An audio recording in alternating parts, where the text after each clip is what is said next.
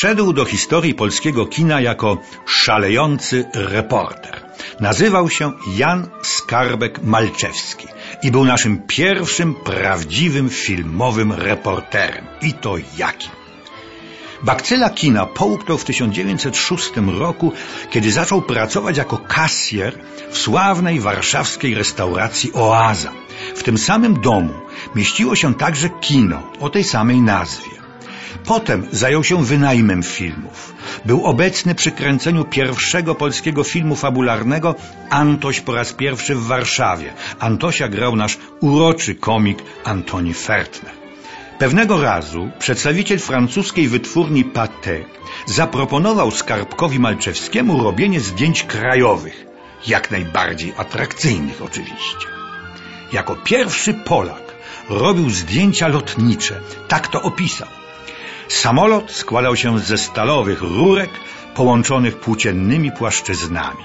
Siedziało się na siodełku w otwartej, płytkiej gondoli. Usadowiłem się na przodzie, pilot za mną.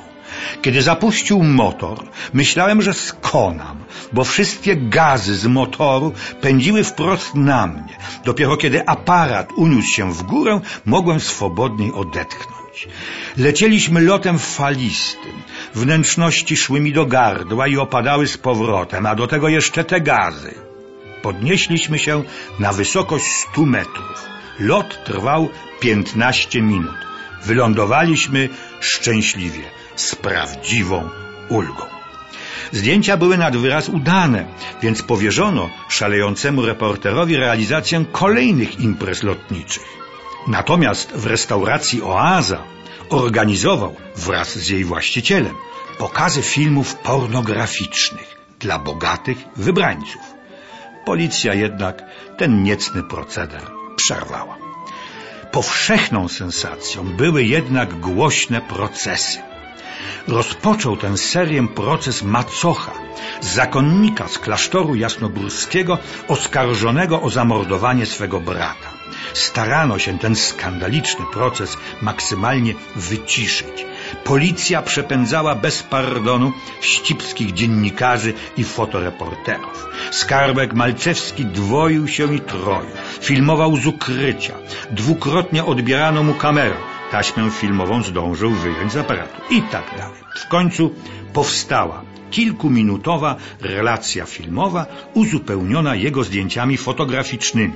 Wyświetlano ją z wielkim powodzeniem w kinach warszawskich, bo tu jakoś cenzura nie interweniowała. Równie sensacyjna była sprawa zamordowania księcia Druckiego Lubeckiego. Jego zwłoki znaleziono w parku. Widoczne były ślady walki, jaką stoczył on z mordercą. O tę zbrodnię oskarżono hrabiego Bispinga. Rodzina ofiary uniemożliwiła jednak reporterom robienie jakichkolwiek zdjęć. Lepiej powiodło się Skarbkowi Malczewskiemu, kiedy filmował kolejną sprawę i proces, tym razem hrabiego Ronikera, oskarżonego o zabójstwo swego młodocianego kuzyna i to w dodatku w tak zwanych pokojach umeblowanych przy ulicy Marszałkowskiej w Warszawie. Ponieważ władze nie zgodziły się na oficjalne filmowanie, szalejący reporter musiał uciec się do fortelu, choć było to bardzo trudne, bo ogromna kamera ważyła kilkadziesiąt kilogramów. Ustawił ją w drzwiach sklepu. Właścicielka zgodziła się po otrzymaniu 25 rubli. I dzięki temu udało mu się sfilmować moment, kiedy na wizję lokalną teraz cytuję, przywieziono karetką więzienną Ronikera. Wysiadł i, otoczony żandarmami z gołymi szablami i rewolwerami w ręku, szedł do domu przy ulicy Marszałkowskiej. Aparat głośno terkotał i to mnie o mało nie zdradziło. Roniker się obejrzał, ale wówczas przestałem kręcić. Później przebiegłem na drugą stronę ulicy i zacząłem nakręcać dom i członków sądu znajdujących się na balkonie. Wtedy jednak skarbek Malczewski został zatrzymany przez policję, ale i tym razem udało mu się jakoś wywinąć. W czasie I wojny światowej filmował działania wojenne. Kiedyś chciał zrobić zdjęcia walk z samolotu. No, był przecież specjalistą. Ale dowodzący rosyjski generał się nie zgodził. Jeżeli zestrzelą samolot, lotnik pójdzie do niewoli, a pana powieszą jako szpiega. Status prawny korespondentów wojennych nie był jeszcze wtedy uregulowany. Skarbek Malczewski filmował również ciężkie walki o przemyśl oraz cara wizytującego rozbite forty austriackie. Widziałem wtedy po raz pierwszy rosyjskiego samodzierżcę.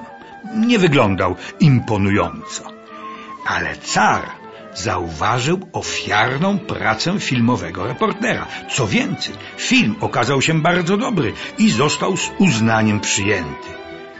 Miałem otrzymać od cara specjalną nagrodę w postaci złotego zegarka. Zegarki rozdawane przez cara były to wielkie cebule o dużej zawartości złota. Taki właśnie zegarek miałem otrzymać za przemyskie zdjęcia, ale później wybuchła rewolucja i zegarek diabli wzięli.